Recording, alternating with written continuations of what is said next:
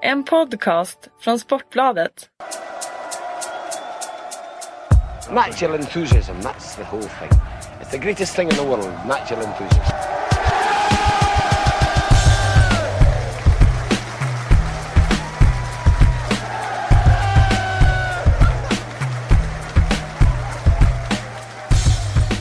Det torsdag och dags igen för Sportbladets Premier League-podd. Mitt namn är Patrik Syk. Mitt emot mig sitter Kalle Karlsson. Det är du och jag, Kalle. Ja det blev ju så. Jag försökte ju flörta med Simon Bank här som var inne på redaktionen idag och lockade med att han skulle få prata, ha en utläggning om Tottenham. Men han sa att jag blir bara deprimerad om jag pratar om Tottenham. Så han, eh, han nobbade inviten. Deprimerad, de fick ju kryss i helgen mot Arsenal. Jag, jag var ju, jag hängde med, med Simon, eh, vi såg den matchen tillsammans. Han var oerhört nöjd efteråt. Eh, det förstår jag att han var, det ska han vara med tanke på eh, hur den matchen såg ut i andra halvlek. Det var ju en eh, kanonad av eh, Arsenal-möjligheter i, i, andra där när de tryckte på och det kändes som att Tottenham ganska tidigt gick på tandköttet och, och var slutkörda. Men eh, de hade ju en riktigt, riktigt eh, vass defensiv i den matchen med Kabul och, och Vertongen och, och Hugo Lloris också för den delen.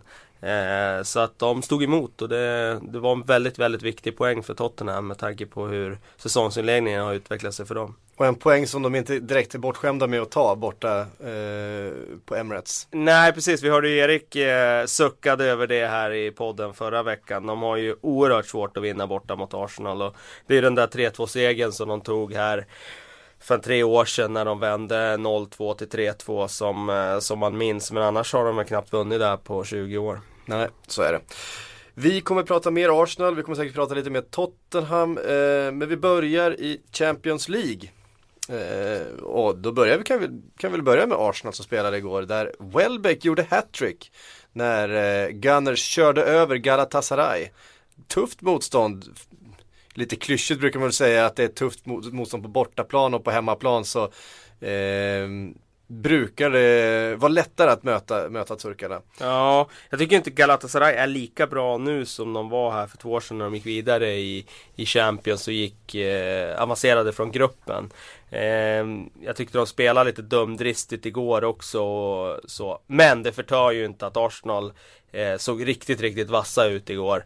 Eh, offensiven eh, var ju bländande och Ösel fick spela centralt vilket gör att han får spela ut hela sitt register och eh, rent offensivt så, så, um, så gynnas ju laget av det. Det är ingen tvekan om det och sen var det ju väldigt kul att Welbeck nu fick eh, visa vilken vass spelare han är när, när bollarna levereras rätt och när han väl får till avsluten. För det är ju det som har varit frågetecknet kring honom, kring hans eh, eh, kyla i, i lägena. Och jag såg här tidigare i veckan att den store George Graham eh, gick ut och eh, poängterade att Welbeck måste bli bättre i, i sina avslut. Och det roliga med hans avslut är ju att ena matchen så ser han ju ut som, eh, som eh, en skyttekung när han avslutar, som igår.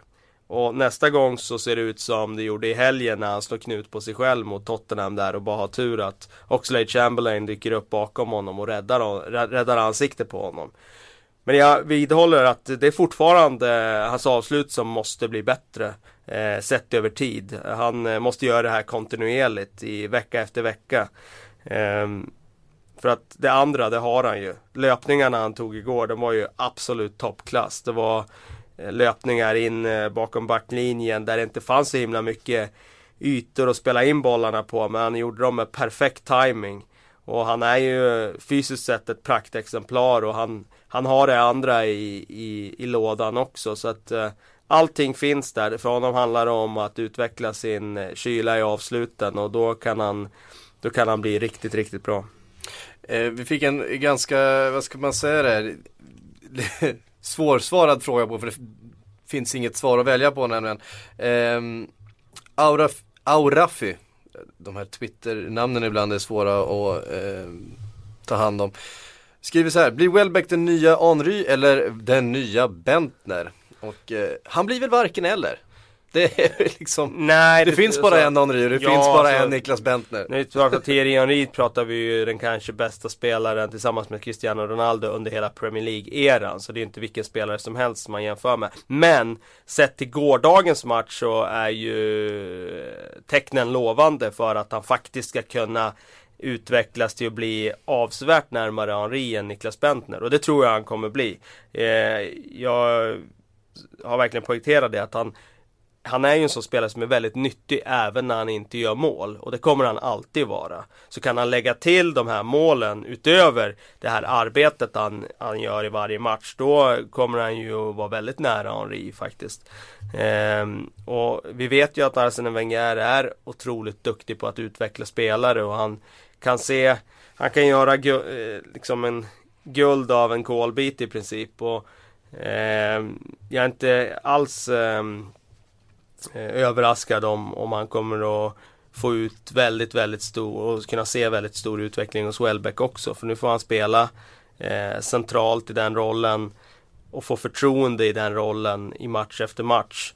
Eh, vilket han aldrig fick i Manchester United och nu eh, fyller han ju 24 år här nu också så nu börjar han komma upp i en ålder som gör att det är de här kommande åren som han kommer att och nås, kommer så, nå sin topp. Så att eh, Ja, jag, jag tror att eh, det finns stora chanser att han eh, blir avsevärt närmare Henri än Bentner.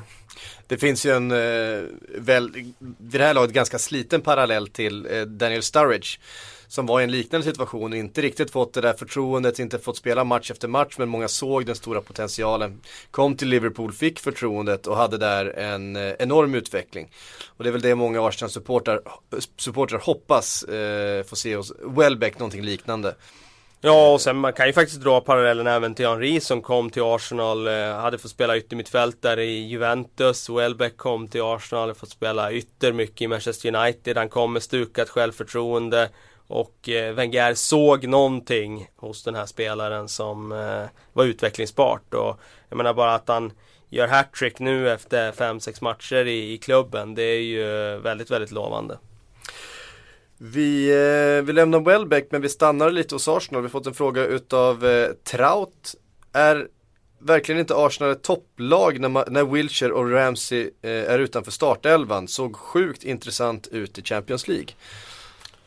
Ja, det gjorde det i och för sig då, men jag tror att, jag vet inte riktigt hur jag menar frågan. Jag, jag tror att de är Den är avsevärt lite bättre. märkligt skriven. Ja, jag tror att de är avsevärt bättre när de har en, en Aaron Ramsey i form på plan än, än utan honom. Det är jag helt övertygad Sen om. har han inte riktigt varit eh, i den där toppformen den här säsongen som han var i början av förra. Nej, det har han inte varit. Det, det stämmer.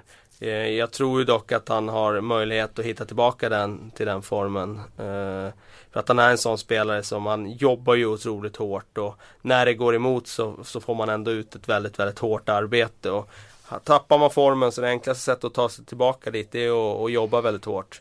Så att eh, jag eh, vet inte om man kan dra så stora växlar av eh, 4-1 mot Galatasaray som att säga att de är bättre utan dem.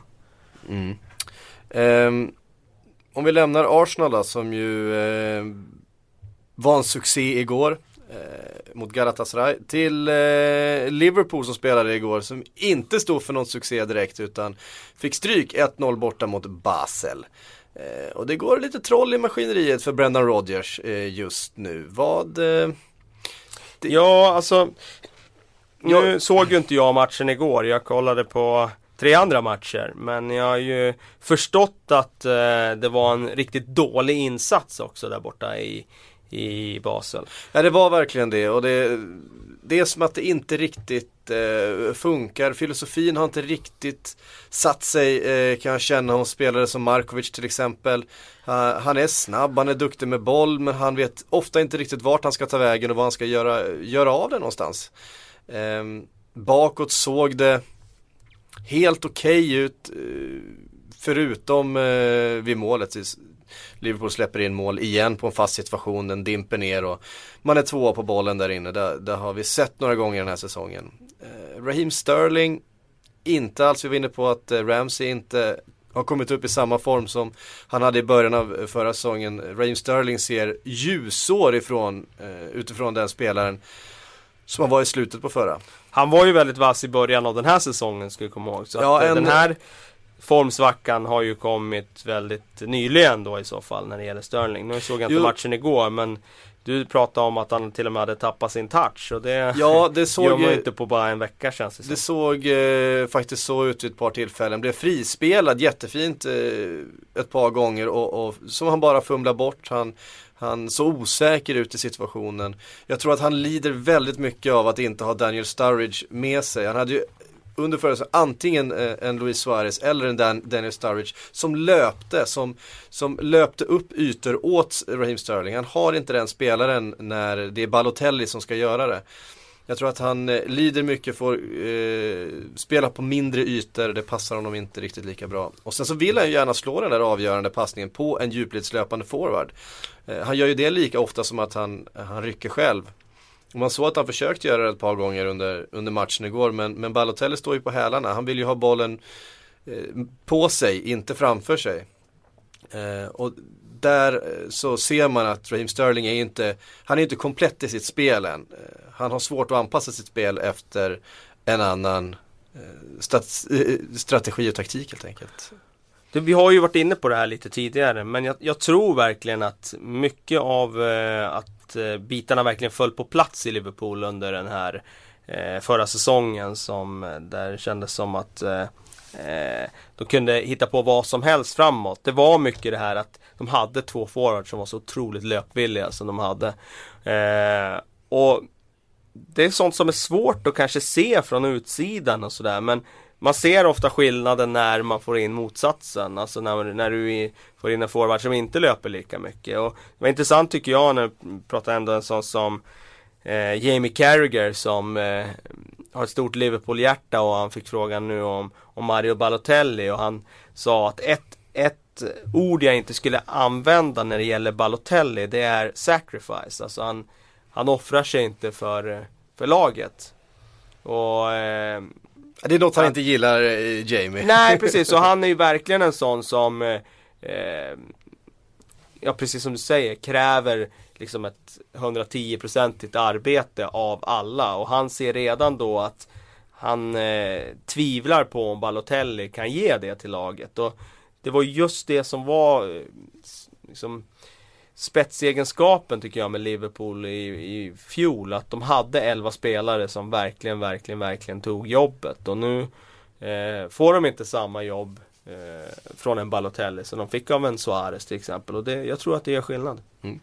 Eh, så är det helt säkert. Vi eh, ska säga någonting om derbyt i helgen också där eh, vi måste säga någonting om det här med Gary Nevilles analys utav Phil Jagielkas eh, fantastiska mål. Där han hävdar att det liksom finns en målvaktstavla där eh, i det. Jag har Mm. väldigt svårt att se hur man kan skylla på Mignolet i det här. Eh, jag är kanske inte hans Mignolets största fan men här så jag menar det är ju ett kanonskott. Ja, det var ju ett kanonskott. Samtidigt så tycker jag nog att han har en poäng. Neville, han la ju fram det väl underbyggt och eh, jag vet själv hur den där eh, målvaktstekniken fungerar. Att man, man, ska, man ska stå med händerna upp snarare än ner. Och, och ehm, ja, jag kan se att han har en poäng i, i den kritiken faktiskt.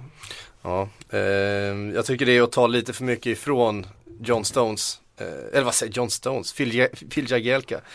Eh, för det var ett, eh, ett mästerligt mål. Hur som helst, vi hade fler engelska lag i Champions League. Eh, Manchester City hade det kämpigt i början mot eh, Francesco Totti och Roma.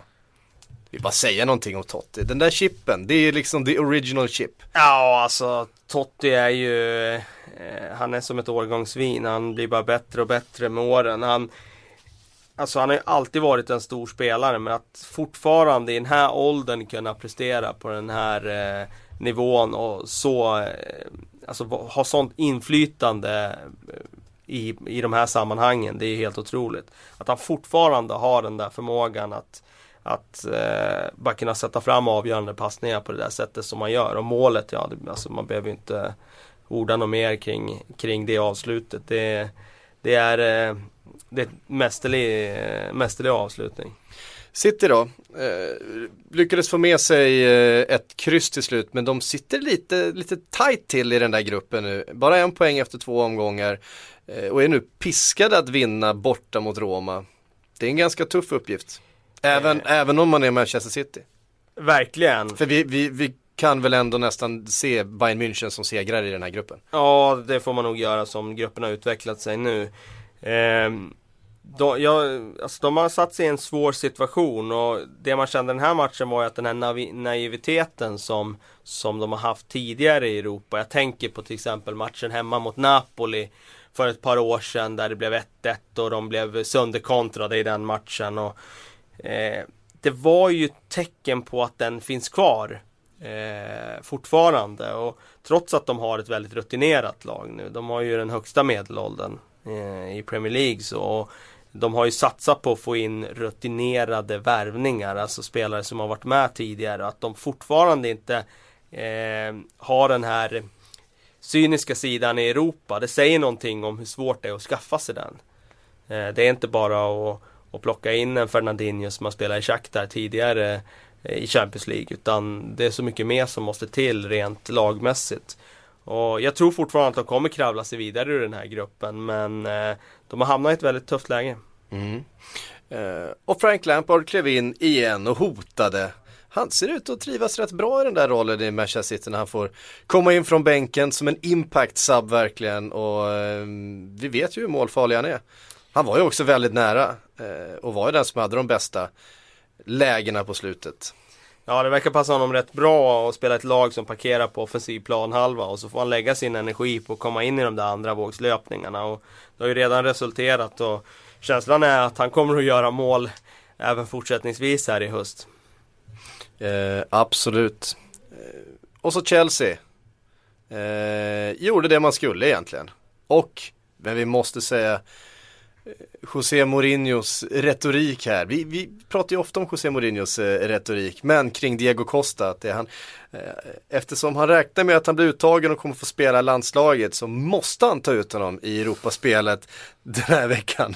Han, Ja, det var en- ti- kan, kan du de dechiffrera budskapet här? Ja, det var en lite märklig logik men det enda jag kan tänka mig det är att han, att han eh, spelade honom så att han skulle få någon form av känning så att han inte spelar med landslaget sen. Jag vet inte. Alltså, eh, annars kan jag inte få ihop det.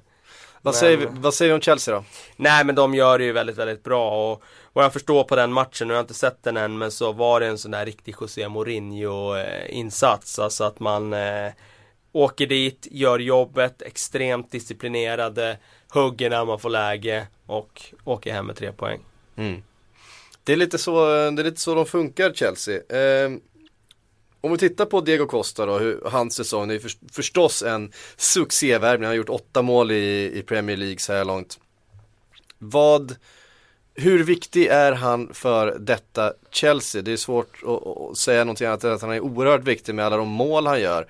Men om vi tittar på hela laget, nu var det ju eh, Nemanja Matic som, eh, som gjorde målet. Eh, Diego Costa målsumpade där i början, hade ju ett kanonläge som han eh, brände. Även André Schürrle som ju normalt sett är en, eh, normal, en, en målskytt. Eh, Nej men alltså de har ju, alltså målen är ju en sak eh, och det, det kan ju alla räkna ut med tanke på att de inte hade någon pålitlig målgörare i fjol att, att det betyder mycket. Men just att få in en anfallare som är en sån buffel som han är. Som tar så mycket fysisk plats i, i straffområden när inläggen kommer in och bara det att han har de här vassa armbågarna som gör att han kan sysselsätta ett helt försvar och eh, det ger ytterligare ytor för, för de andra som spelar där framme. Så att Diego Costa är eh, Ja, han är en fullvärdig ersättare till Diego, eh, Didier Drogba när han var som bäst. Och det, det går knappt att ge honom en bättre komplimang än så.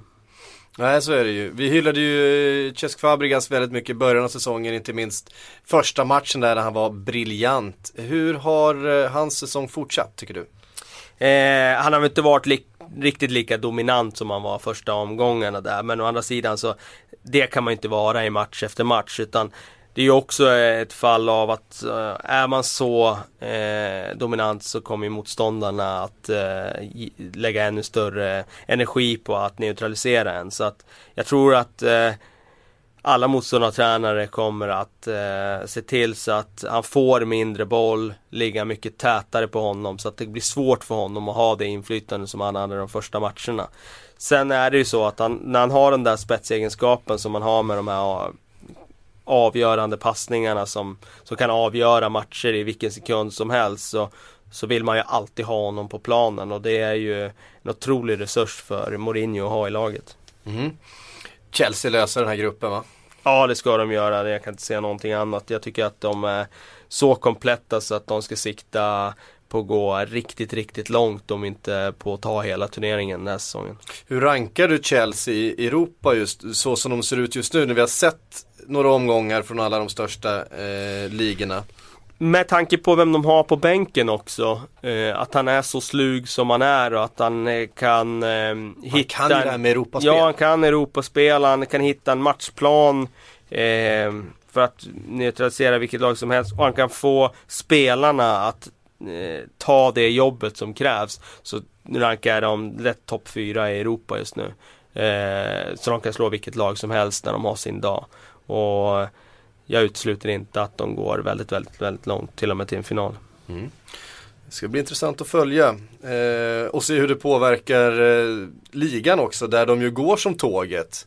Har inte som vissa, vi har varit inne på det tidigare, att vissa lag har ändå påverkats eh, av att man har Europaspel och man har haft tuffa matcher eh, så här i inledningen på, på den säsongen. Och att det har gått ut lite över ligaspelet, det kan vi ju inte se hos Chelsea så här långt. Um, Vet du vad vi glömde förra gången Kalle? Förra. Vi glömde prata om Manchester United. Är det så? Ja. Vi påannonserade det eh, i början och sen så glömde vi bort att prata om det. Jag tar helt och hållet på mig det eftersom det är jag som håller i körschemat. Så jag har till och med glömt bort att vi har glömt det. ja, du förstår. Eh, så jag tänkte vi skulle prata lite mer om Manchester United nu. Eh, som fick lite andro efter tre poäng mot West Ham i helgen. Eh, en bounce back får vi väl säga efter debaclet eh, helgen innan då man tappade den där 3-1 ledningen till en 5-3 förlust. Vad säger vi om Louis van Gaal och hans eh, extremt framtunga lag? Hur såg de ut mot West Ham till exempel? Nej, alltså de ser väl eh, helt okej okay ut mot West Ham tycker jag. De uh, gör tidiga mål och den här gången så kom det inte den där backlashen i, i andra halvlek där man rasade upp fullständigt mot Leicester.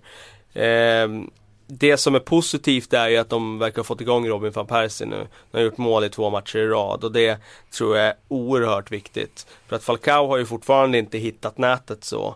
Men, att, men, men, men, assist har han gjort ett par Det har han gjort och snygga assist också, mm. vilket vi inte ska förringa på något sätt. Men att ha spelare där framme som van Persie, att han är i form och levererar mål, det är ju otroligt viktigt för dem. Eh, sen finns det fortfarande frågetecken kring den här defensiven.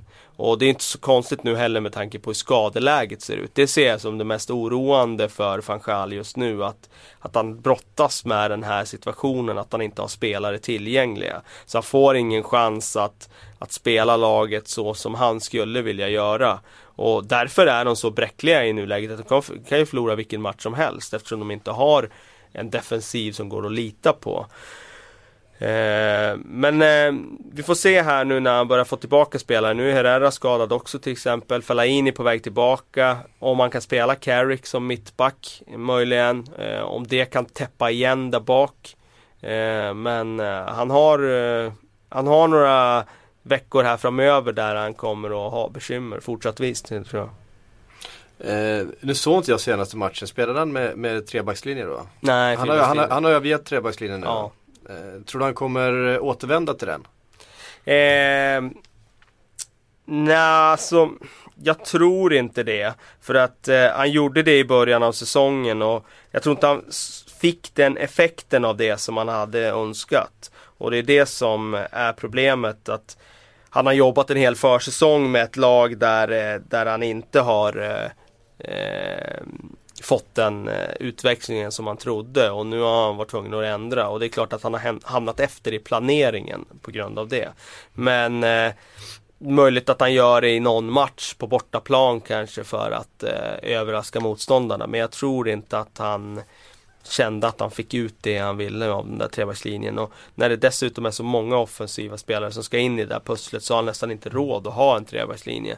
För att då blir det ytterligare en eh, plats mindre där framme. Och då är det ytterligare en offensiv spelare som, som, måste, som måste vila. Så han har ju redan problem att få in alla spelare. Så att, eh, jag tror att han har övergett trebackslinjen. Mm. Vi pratade ju väldigt mycket om Luke Shaw under förra säsongen.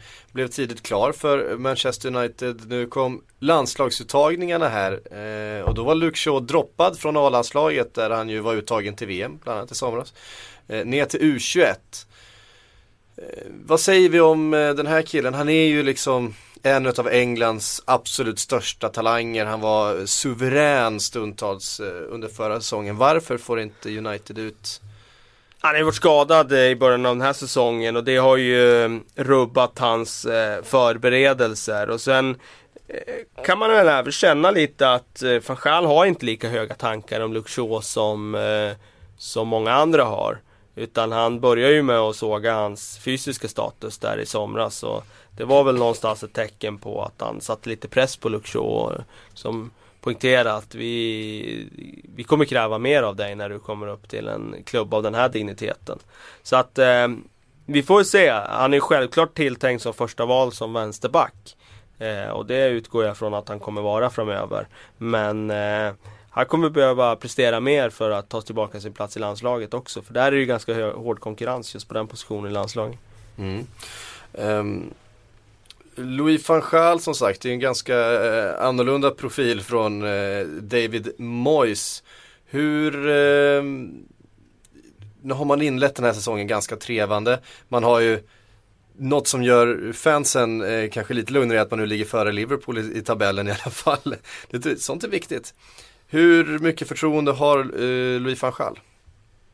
Nej men han har fortfarande stort förtroende tror jag hos de allra flesta. Sen är det klart att skulle det här eh, fortsätta nu en bit in på hösten, att man inte tar eh, poäng i den takten som man räknar med när man lägger de här stora pengarna. Då, då är det klart att eh, den där statusen som han har som allsvetare och, och någonstans någon slags eh, messias, den kommer ju att, att bli haltande. Men eh, han har så pass mycket förtroendekapital med, med, det, med den han är och med den CVn han har. Så att eh, än så länge så, så tror jag att man kommer peka på, vilket jag själv gör, eh, när det gäller de uteblivna resultaten på det här skadeläget som, som råder och på det faktumet att de inte har fått in den där försvarsförstärkningen. För jag tror att de kommer vara väldigt lidande av det i höst. Ja, de här skadeproblemen har ju gjort att United har tvingats vädra ganska mycket juniorer också. Eh, unga talanger. Hur tycker du de har skött sig? Ja men alltså de har skött sig så pass. Nu spelar ju Patrick McNair senast här från start. Och, eh, jag tycker att de har skött sig så pass bra som man kan förvänta sig av dem. De är ju inga färdiga spelare. När Tyler Blackett kommer in så kan han se ut som han är eh, en blivande storback i ena sekunden. För att sen i nästa sekund få en läxa av en så begränsad forward som Jamie Warder som avslöjar honom brutalt och sätter honom i skolbänken. Så att eh, eh, det är ju så unga spelare agerar. Alltså de, ena stunden så visar de lovande tendenser, sen faller de ner och gör de här misstagen, vilket är vilket kostar ditt lag poäng och segrar och det, det är därför de inte är eh, ordinarie. Mm. Eh, när vi nu gör lite, lite mer djupdykning in i United så måste vi säga någonting om Wayne Rooney också. Eh, är ändå där, han finns med i, i protokollen. Eh, men många börjar ju ana ett United utan Wayne Rooney i framtiden. Ja, på vilket sätt då menar du? Nej men det pratas en hel del om eh, att han eh, bromsar upp spelet, att han eh, mm kanske inte ser så inspirerad ut alla gånger. Att eh, det är en annan typ av fotboll som, som eh, fans och eh, kanske också tränare ja, okay, hellre vill se. Jag eh, ja, det, man kan nog se det att det finns en poäng i det med att han framöver eh, kanske inte är optimerad för den här nummer 10-rollen. Om man vill ha fart där, om man vill ha en Raheem Sterling-spelare i den moderna liksom eh, fotbollen att eh, det behövs den typen av speed så, så har ju Rooney tappat den. Han har blivit en annan typ av spelare. Och de har värvat en sån spelare i Angel Di Maria. Ja precis och nu tycker jag i och för sig då att Di Maria kan anpassa sig till en annan position och kanske inte behöver spela den här mittfältspetspositionen.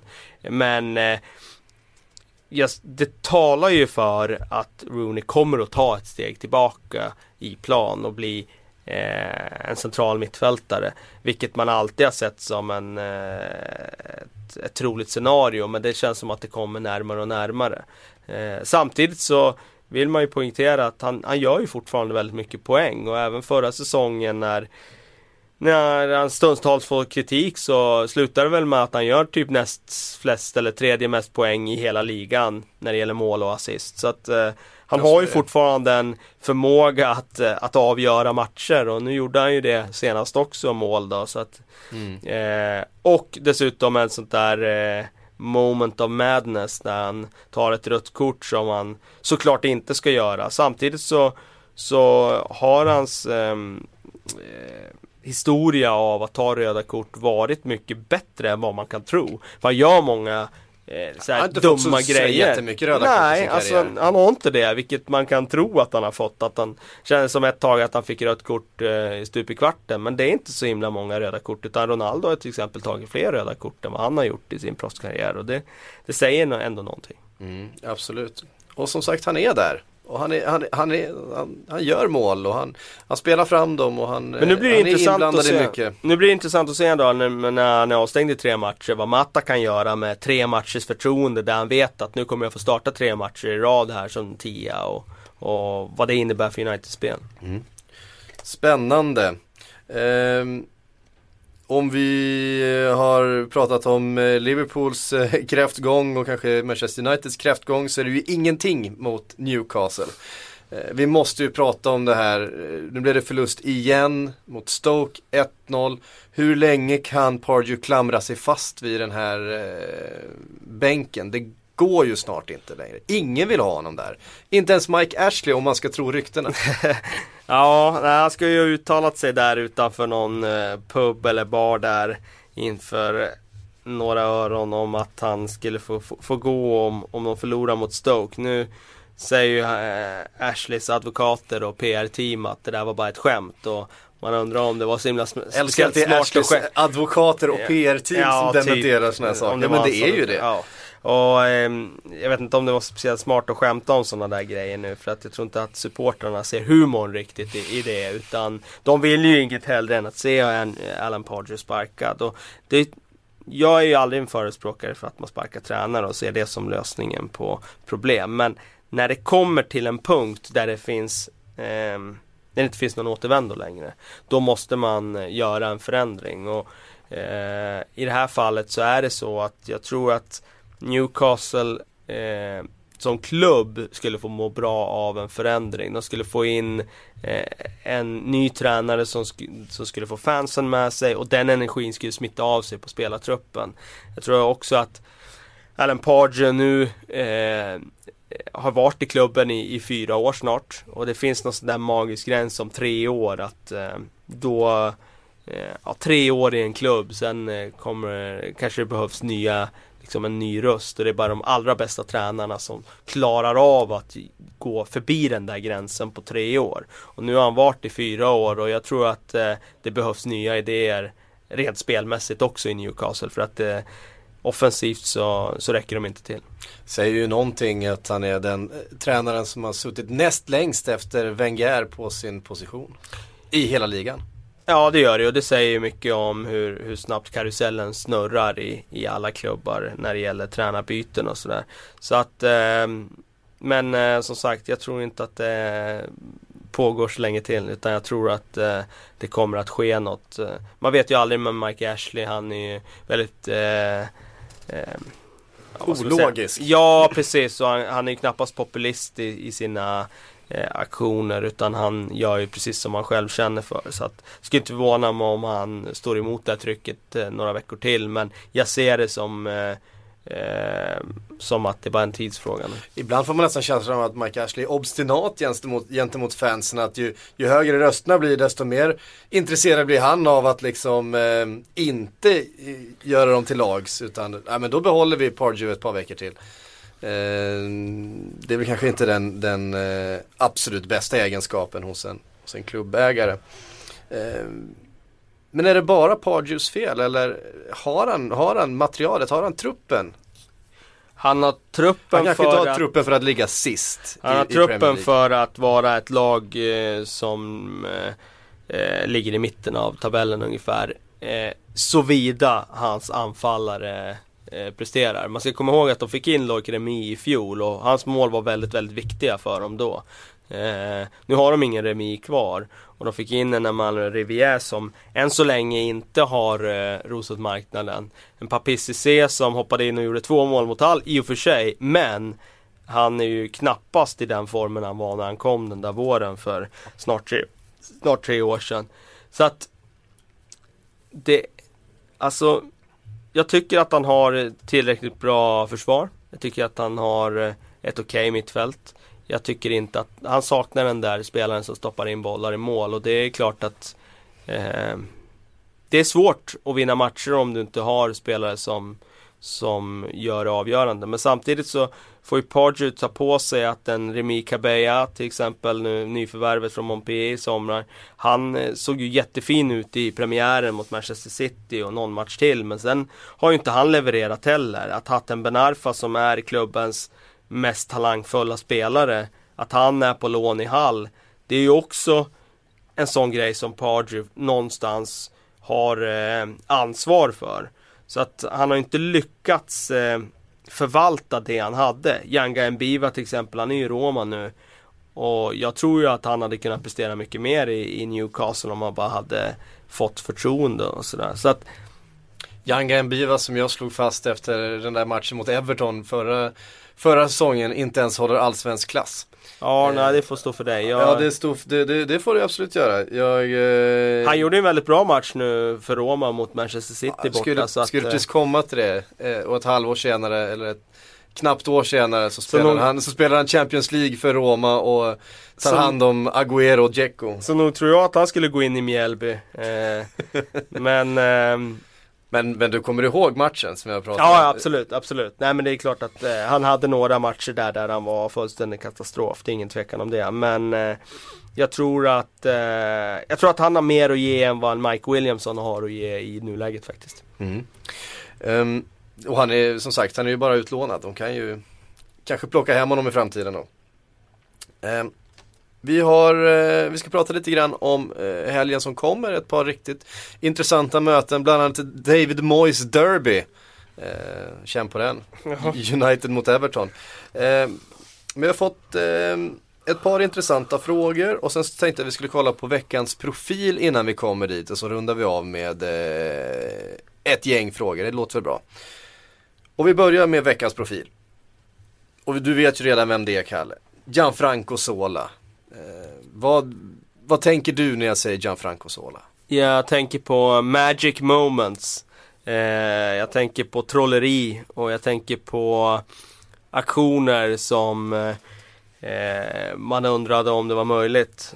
Eh, han kom ju till Chelsea i, i ett läge där eh, de var en eh, främlingslegion i princip. Eh, Andra halvan av 90-talet när de hade väldigt många utländska spelare och det var sexy fotboll och, och allt med vad det innebar. Eh, Fantastiskt lag. Jag, Ja, det var ju ett Så mycket profiler, alltså. klassiskt lag om man tittar på namnen så.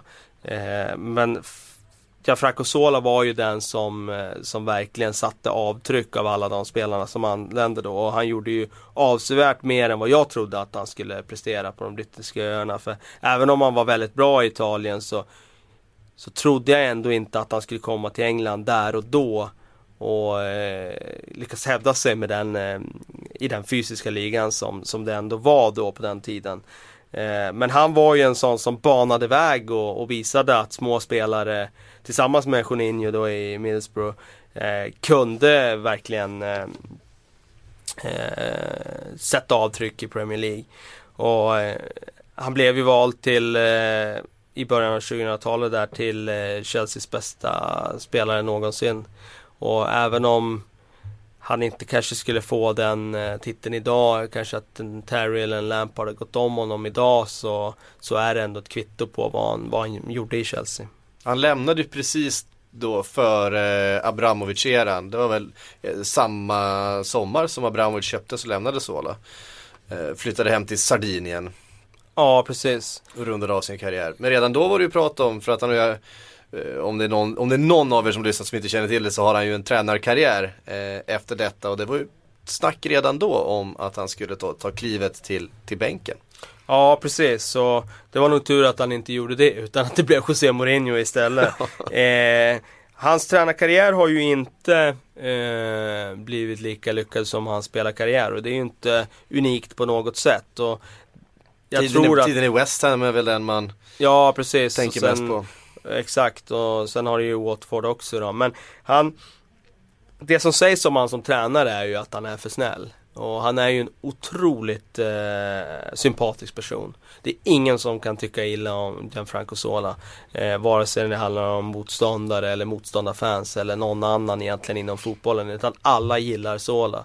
Eh, och det tror jag är lite av ett problem också när, när han ska bli manager och, och ta svåra beslut och så att han kanske inte har den, den tränarådran. Så, mm, även om han kanske har fantastiska idéer rent eh, vad han ska göra på planen så tror jag att han kanske är bättre som en assisterande tränare. Så. Mm. Vart skulle du, om du fick stoppa in eh, Gianfranco Sola, årgång 99, 2000, i vilket lag du ville i, eh, ja vi kan ju ta hela världen idag. Vart skulle du stoppa in dem då?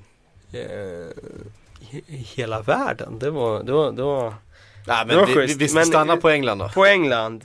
Ja, I vem, England. Vem behöver en sån? Vem behöver inte en sån? Nej men alltså jag Behöver, tror, behöver inte Chelsea en sån? Ja, nej de behöver nog kanske inte en Sola så nu men men däremot alltså Tottenham till exempel om de skulle få in en Gianfranco Sola Alla Det- spelare vi tar upp här är inte, det är Tottenham som Ja ska ha dem. precis, De som uppenbart saknar. Exakt. Den här Eh, sista spetsen. Ja, precis. Eh, Nej men jag tror att eh, skulle de få in en sån spelare idag så skulle det göra oerhört stor skillnad för dem. Eh, underbar profil, Gianfranco Sola. Det, man ska komma ihåg att han, eh, han tillhör ju faktiskt det här laget 1989 med eh, Maradona och Careca i, Just det, i Napoli. Napoli. Just det. Eh, stod lite i skuggan där kan man tycka, tillsammans med alla andra under Maradonas skugga. Vi går vidare. Jag fick igen en fråga på mejlen. Och det känns ju ungefär som att få ett vykort nu för tiden. Jag tänkte ändå jag skulle ta upp det. Mikael Rangfeldt skriver Hej, för en massa år sedan såg jag en film som heter Rebound, The Legend of Earl the Goat Manigo. Som handlar om livet om den gamle streetbasketspelaren The Goat. Eh, det är ett ganska långt mail men eh, sammanfattningsvis så handlar det om att eh, The Goat var en helt magisk basketspelare som fick sin karriär förstörd av droger och alkohol. Eh, stannade på gatan i stort sett fastän att stora stjärnor som Karim eh, Abdul-Jabbar säger när den bästa spelaren du någonsin har spelat ihop med så säger de The Goat. Finns det någon motsvarighet i eh, fotbollsvärlden? Jag svarade honom eh, och tog då upp eh, Robin Friday, eh, den här magiska eh, killen som framförallt spelade väl i Reading på 60-talet. Som slutade vid 27-28 års ålder eh, och fick frågan om varför, du, du har ju så mycket kvar. Alltså. Svarade ehm, I'm half your age but I've lived twice your life Ja, till journalisten där. Som söp och struntade i försäsonger, eh, levde i kollektiv och så vidare och ändå dök upp och var bäst på plan. Har du Ja, någon, just något annat exempel Kalle? Nej, jag har väl inte egentligen det sådär det, det, det, i engelsk fotboll så. Eh, men Sebastian Deisler i tysk fotboll var ju en sån spelare som var en super superstjärna som ung. Och som drabbades av personliga problem sen och, och la av eh, i tidig ålder. Och det var väl en sån spelare som man kanske, kanske kan dra parallellen till. Vi var ju, vi var ju inne på Rebel Morrison för, förra avsnittet här. Han kanske är en, eh, den typen in the making. Light-version av det. Ja. Light-version. Inte riktigt så bra då. Nej. Det är ju ingen som kommer tänka tillbaka och tänka att Rebel Morrison var den bästa spelaren de någonsin har spelat ihop med kanske. Nej. Eh, och sådär. Sen ska man kanske säga att det, idag är ganska, det är ganska svårt att ta sig till den här nivån om man, om man inte sköter sig. Det, det går nog inte eh, på, på ren talang. Ehm, vi eh, går vidare och eh, tar lite eh, frågor. Nej det gör vi inte, vi ska titta på helgens matcher först. Och vi börjar ju förstås med Chelsea-Arsenal. Vi har pratat en del om båda lagen här redan. Men hur ska Arsenal egentligen bete sig för att kunna störa det här Chelsea som ju är en maskin verkligen den här säsongen? Det är det här som blir så otroligt intressant nu när Arsenal kommer från en stark insats mot Galatasaray där de kan spela på ett sätt och få eh, spela champagnefotboll och göra det utifrån sin modell. Och att sen gå direkt till att möta Chelsea som är otroligt duktiga på att anpassa sig efter motståndarna, få med sig resultat. Därför blir det här så otroligt intressant på söndag och se vad kan Arsenal göra. För det är den här typen av matcherna de måste vinna om de ska kunna upp och slåss om titlar. Och det har de inte klarat av tidigare år. Och därför blir det här, det blir en nyckelmatch för dem den här säsongen som kan definiera deras säsong. Alltså de måste i princip ha någonting med sig från den här matchen för att visa sig själva och visa omvärlden att vi klarar av de här toppmatcherna. Så att eh, det blir intressant att se laguttagningen från Wenger. Eh, det blir intressant att se då, spelar Ösel centralt? Kan de få effekt av det då på ett positivt sätt även mot toppmotstånd? Eller kommer de lida av det defensivt om man spelar centralt? Eh, och så vidare. Så att eh, det är en väldigt, väldigt intressant eh, match här på förhand. Mm. Eh, vi var inne också på eh, David Moyes-derbyt. Eh, Manchester United mot Everton. Everton som också börjat säsongen svagt ska ja, vi det säga. blir lite en ångestmatch det här Mm. mellan två lag som, som är i stort behov av poäng.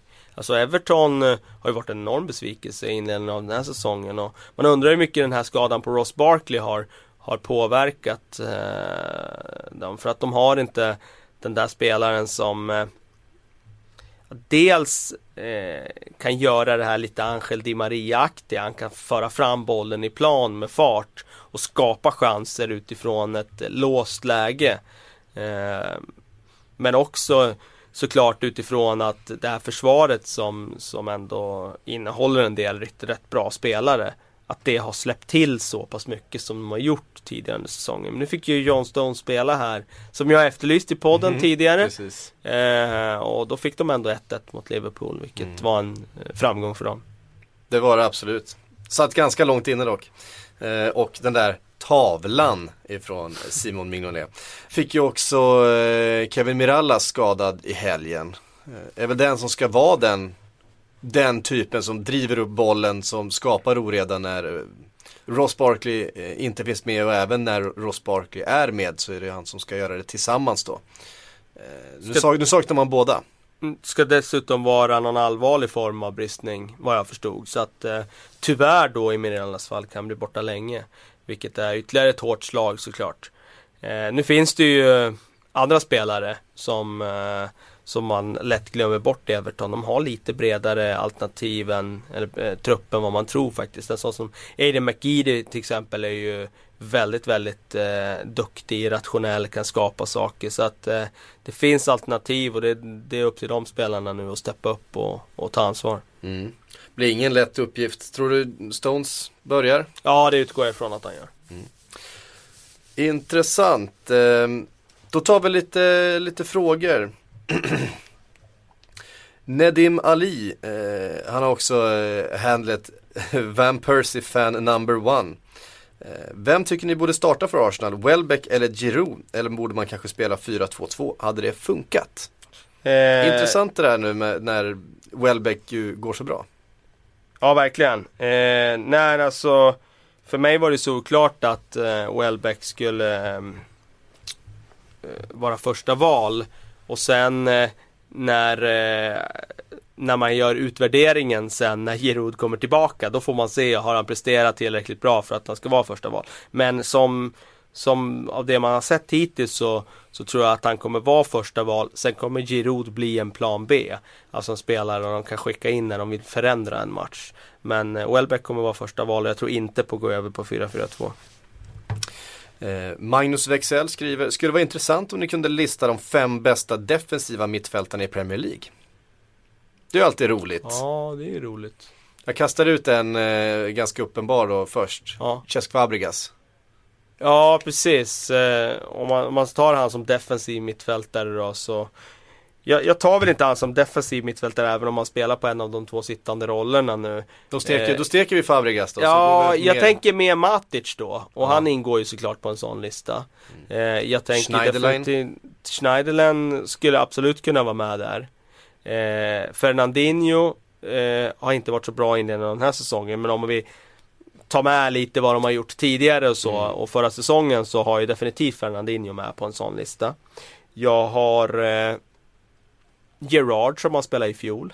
Ja, Inte som han spelade har spelat nu i inledningen av den här säsongen. nej. Eh, så det beror på hur mycket, hur långt bak man ska gå när man tar in eh, Men det är också stundsamt för Gerard var faktiskt väldigt bra eh, i helgen mot Everton. Känns lite typiskt det där också att eh, ja, kanske svårt att tända till. När det, det, Det som- ska ju är inte vara Mercy- det. Merseyside derby, helt plötsligt så, så ser han bättre ut. Det, det tycker jag känns lite oroväckande Ja. faktiskt. Det är svårt att få ihop fem, jag tycker att det är en brist på riktigt, riktigt bra defensiva mittfältare. Men Arsenal har ju sin situation där man i princip har en komplett elva nu förutom en riktigt bra defensiv mittfältare. Eh, Tottenham tycker jag inte heller har någon defensiv mittfältare av högsta Kan vi klass. kasta in Herrera kanske? Eh, nej, det kan vi inte göra för jag ser inte han heller som defensiv mittfältare så. Eh, så att eh, nej, eh, det är svårt att få ihop fem namn men de, de vi har där med Fernandinho. Gareth Barry? Eh, nej, jag tycker inte han ska in där heller egentligen. Eh, jag tycker inte han har varit så bra i inledningen av den här säsongen heller. Men Fernandinho, Matic såklart, kanske Mm. etta på en sån lista. Och eh, Schneiderland, där har vi tre i alla fall. Mm. Eh, svagt Premier Det- det- League att det inte kan skaka fram Daily fem, fem Blind, riktigt bra. Daily Blind har ju mer att bevisa. Ja, så är det nog. Vi tar nästa fråga och den kommer från Linus Fransson. Hur stor är egentligen chansen att Burnley lyckas ta poäng mot Leicester borta? Oj. Ja, är en svår de fråga. Här, ja, så till de här inledande omgångarna så är den väl inte så himla stor. För att eh, Satt och kollade på reprisen nu av West Bromwich mot, uh, mot Burnley här och det känns väl som att de, de har en bit kvar Burnley. Tyvärr alltså. Och det som är lite förvånande med det, det är ju egentligen inte att de har en bit kvar utan det är egentligen de här senaste åren i Premier League när det har kommit upp lag där man har tippat dem i botten, man har känt att det här laget, det här materialet räcker inte till. Som Crystal Palace i fjol till exempel, som många tippade sist i ligan. Eh, att de har gjort det så bra. Det är det som har varit förvånande snarare än att Burnley gör det. De gör ju det utifrån eh, de förväntningar som man hade på laget. Jag tippar dem sist i, i ligan och de har, de har levererat utifrån det. Mm. Eh, Kisiri eh, Tinsev uttalar jag det som. Eh, skriver Arsenals skador. Varför sker det hela tiden? Är spelarna inte tillräckligt tränade för Premier League? Hur ser ett pass ut i Colney? Ja, Det kan man ju faktiskt är, Det där fråga är sig, väldigt alltså. intressant för att det var ju så här i fjol eh, så tillsatte ju Arsene Wenger en utredning och det här har ju varit så otroligt eh, påtagligt år efter år att Arsenal har drabbats av fler skador än, eh, än andra lag i ligan. Och, ah, jag tycker väl inte kanske att de har tidigare år lagt tillräckligt mycket fokus på det här. Sen kanske de har gjort det bakom kulisserna men i våras pratade han började han ju prata själv eh, offentligt om att han tillsatte en utredning som skulle utreda varför de får så mycket skador. Sen skaffade de ju då en ny fystränare i Chad Forsyth som har jobbat eh, eh, med fitness nu och eh, det skulle ju vara en sån här nyckelvärvning som eh, förbättrade utfallet men hittills har vi ju inte sett några resultat i den riktningen utan snarare tvärtom nästan att det är eh, ännu fler skador nu och nu har det ju, bara senaste veckan här har ju ännu fler spelare eh, dragit på sig den här typen av skador som, som laget drabbas av gång på gång. Så att det senaste nu är väl att Arsene Wenger ska börja titta på underlaget på Emirates och se om det är något problem med underlaget där. Och jag tror man måste göra samma sak med Cologne, alltså träningsanläggningen, att man Eh, att man tittar på och vänder på varenda grässtrå där också. För att någonting är ju uppenbart ett systemfel i hur man jobbar eller eh, Alltså med, Eller något annat som påverkar det. För att så här mycket skador kan man inte drabbas av. Nej det, det, Gång är, ju, på gång det är ju väldigt gång märkligt gång. att det aldrig tar slut och det är ju det är ju en viss typ av skador, ganska, men de drar ju också på sig ganska mycket de här långtidsskadorna. Vi ser ju Theo Walcott till exempel. Han har varit borta i, vadå, tio månader nu kanske? Eh, det, det är väldigt oroväckande faktiskt. Eh, Måns Johansson undrar, vem av spelarna som kom i somras har presterat bäst i sina nya klubbar? Svårt att bortse från Diego Costa. Ja, han är ju såklart där. Eh, Cesc Fabregas är såklart där, men eh, jag skulle kunna lyfta fram en sån också som Leonardo Ulua tycker jag i Leicester som värvades för stora pengar i, med Championship-mått mätt eh, från Brighton då. Och han har ju varit otroligt eh, viktig för, för Leicester i inledningen här. Gjort mål, men inte bara mål utan han är ju otroligt eh, tung i straffområdet att brottas med. Han jobbar väldigt, väldigt hårt. Så att det har också varit en sån här spelare som Visst, han kostar mycket pengar, men han har infriat de förväntningarna också. Angel Di Maria får man också säga har, även om han kostar hisnande pengar, så har han ändå visat enorm spetskvalitet. Eh, så det är också en spelare som har gjort det väldigt bra. Graciano Pelle, får vi inte glömma bort. Eh, Southampton, som vi måste och, nämna Southampton. Och Dusan Tadic som Ja. också en offensiv värvning i Southampton som eh, var väldigt, väldigt, väldigt bra. Går ju riktigt bra Southampton, ligger Ja. tvåa just nu i tabellen. 13 inspelade poäng på sex matcher. Det var det ju Man inget som hade ju, nej det, det, det var det inte. Inte att det skulle gå så här bra. Jag vände dock där i somras när de började säkra spelare. Från det att de såg väldigt, väldigt tunna ut när de släppte nyckelspelare på nyckelspelare. Till att faktiskt ändå tippa dem upp i mitten av tabellen runt tionde platsen. För att jag tyckte att, äh, men de, nu har de faktiskt fått in en hel del spelare. Och bara en sån grej som att man får in en Ryan Bertrand till exempel. Det är ingen det är inget stort namn eller så, men man får in en spelare som har varit på hög nivå i Chelsea. Eh, fortfarande ung, vill uppåt. Snarare än att man värvar en José Bosingva som, eh, som har sett sitt bäst före-datum. Den typen av värvningar gillar jag med Southampton. Att man lyckas signa sådana spelare. Alder Virell till exempel till försvaret som också är den typen av värvning. Vill fortfarande uppåt. Spelare som har mer att bevisa. Och har ju den där fina ungdomsakademin fortfarande och kommer fortsätta leverera Ja. eh, fantastisk talang. Fyller ju ut bänken i varje match med egna produkter, vilket är fantastiskt kul att se. Släpper fram nya spelare och jag utesluter inte att det är ytterligare spelare under säsongen som kommer få chansen att spela i ligan faktiskt, vilket är eh, otroligt kul. Eh, så att eh, all heder åt Southampton. Sen såg jag faktiskt deras senaste match här, eh, repris häromdagen och eh, jag vill verkligen trycka på det att eh, mycket snack nu om Pelle och Dusan Tadic säkert med all rätt. Men det är framförallt försvarsspelet som, eh, som de gör väldigt, väldigt bra. Och man, man kan se i spelet att de är väldigt, väldigt noggranna i defensiven. De löper eh, väldigt lojalt och eh, det märks att Koman har jobbat väldigt, väldigt hårt med det här på, på träningarna för att eh, de, är, de agerar som en enhet. Det gör de verkligen. Ehm, Falkenberg skriver Blir det Moyes som ersätter Pardew? Om det blir så, vad kan han erbjuda som Pardew saknar? Ganska lika ju, skriver han. Eh, de är väl eh, lika i den tiden att de, eh, på det sättet att de spelar ganska typisk Brittisk eh, fotboll brittisk ja. fotboll. Ja. Det är ju inga eh, utsvävningar mot eh, trebackslinjer och, och jättehögt pressspel och så vidare som eh, eh vi ser på många andra eh, klubbar röra sig mot. Så är det verkligen den riktningen? Ska, ska Newcastle fortsätta spela den här ganska raka eh, brittiska fotbollen eller eh, bör man modernisera spelet lite grann? Det där är ju oerhört svårt att säga. Det han kan bidra med i alla fall det är att han är ju verkligen en klubbyggare. För det han gjorde i Everton under ett decennium där det var ju att han verkligen byggde en klubb eh, med väldigt små resurser.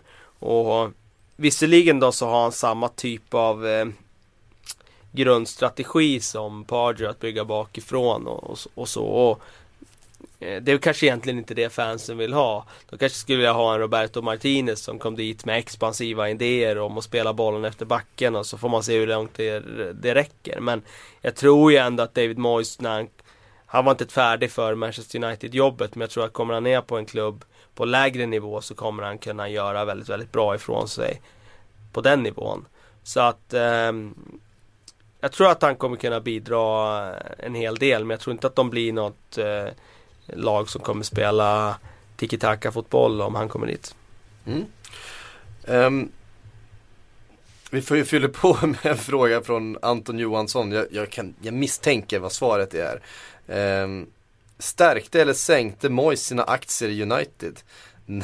När och var kan han bli manager nästa gång? Ja, Newcastle är väl ett alternativ och det är väl inget snack om att eh, få har väl sänkt sina aktier så mycket som David Moyes gjorde under sin säsong i United. Nej, jag kan inte komma på någon som har eh, sänkt sina aktier eh, mer egentligen än Framfab under IT-eran där. det, eh, han var ju väldigt, väldigt högt ansedd och var ju väldigt, väldigt många, ska vi komma ihåg, som tyckte att David Moyes var definitivt var rätt man för Manchester United och som uttryckte den åsikten. Eh, och att då göra ett sånt monumentalt fiasko som han ändå gjorde. Eh, det är klart att hans aktier har ju, gjort, har ju sjunkit till den grad att han kommer ju aldrig få träna en klubb på den nivån igen. Det var hans chans att få en klubb på, av den digniteten. Mm.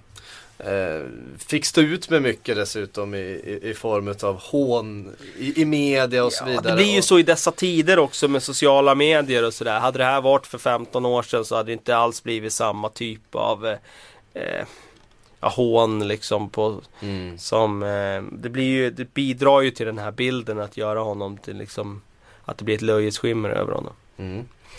Um, vi tar um, vi tar en, en fråga till eh, från Emil Manninen. Rooneys röda kort, korrekt eller vad tycker ni det var för hårt? Nej, jag tyckte det var korrekt.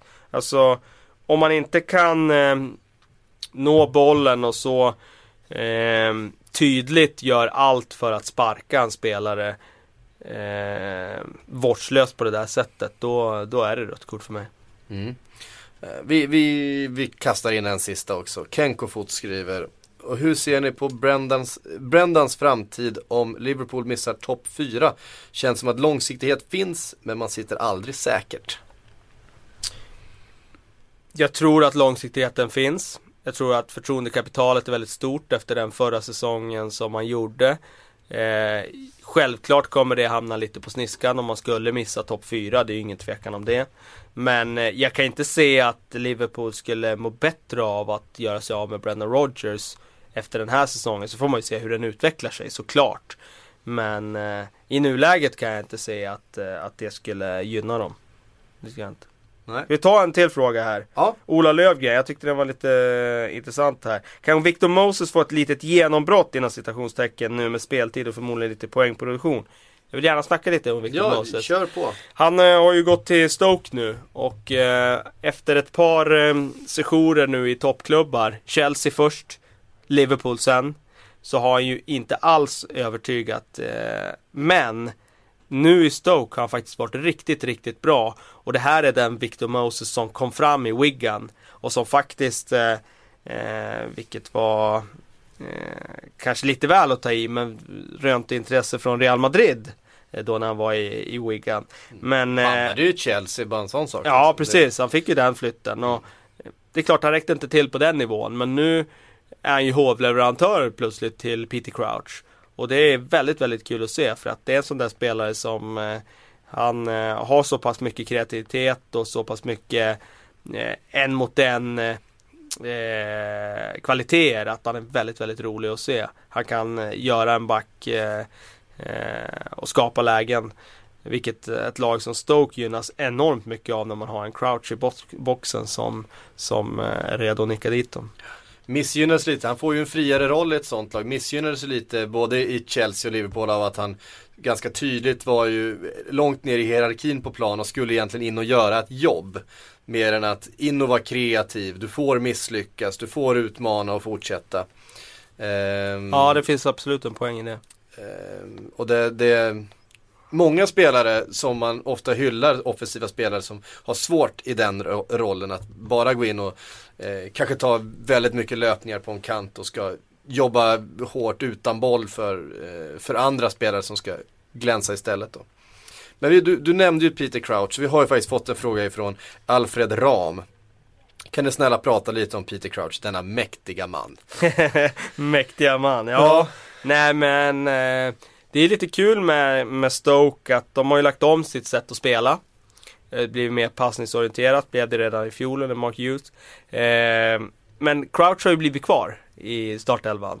Och han är ju fortfarande, trots att han är byggd som han är byggd, eh, med det lägsta BMI i, i eh, toppfotbollen, eh, så har han ju faktiskt eh, en väldigt funktionell teknik. Så han klarar ju av att vara eh, referenspunkten i ett anfallsspel där man ska sätta upp bollen på fötter också. Han, kan ju, han har ju ett spel med fötterna. Ja, han har ju ett spel med fötterna och sen när han dessutom har den där enorma eh, styrkan i, i luftrummet så då blir han ju svårstoppad. Jag menar målet i helgen var ju ett sånt mål att det är inte många andra forwards som kommer upp på den bollen och kan göra det han gör. Men eh, har du en Peter Crouch på plan och du skickar in bollen i boxen så, så är det ju, då är det, känner du ju själv som, som motståndare att det är farligt. Mm. Att det alltid kan ske grejer och bara det faktum att, att de alltid kan sätta upp bollar på honom i luften och att han kan få fast den med hjälp av sin enorma, ja, sina enorma targetkvaliteter. Det är ju kul. Så han är ju också en, han är en, en, en, förstås en väldigt ovanlig spelare med sin, eh, med sin längd och sin brist på kraft i förhållande till den längden. För han är ju, han är ju är ju inte speciellt stark sådär som man, man tänker på andra stora forwards, en Drogba eller en eh, Emil Hesker och så vidare. Men han har ju trots allt det även lyckats i stora klubbar ju. Han har ju lyckats i Champions League. Och han lyckas nu i, i, i Stoke. Vi kommer ihåg att han var väldigt eh, framträdande när Tottenham spelade Champions League. Han var duktig i, i Liverpool under de Mm. säsongerna han spelade där. Eh, har mycket respekt med sig därifrån och han har verkligen lyckats i egentligen alla klubbar han har varit i. ja. Med sitt aviga sätt att spela fotboll på. Kommer ihåg när han slog igenom i SA-15 för en 12 år sedan ungefär? Nej, det är inte 12 år sedan, men 10 år sedan i alla fall. Ehm, och man tänkte, vad i tusan är det där? Och jag tror att det Efter var en session i Aston Villa. Ja, och i Sverige va? Ja, i Hässleholm, I ja. Hässleholm. Ja, precis, ja, precis. Exakt. Ja, där var han ju tidigare. Och nu är det väldigt långt tillbaka. Men ja, det stämmer. Och de som spelar med han där, de säger att han var ju bättre på att dricka öl än att spela fotboll på den tiden.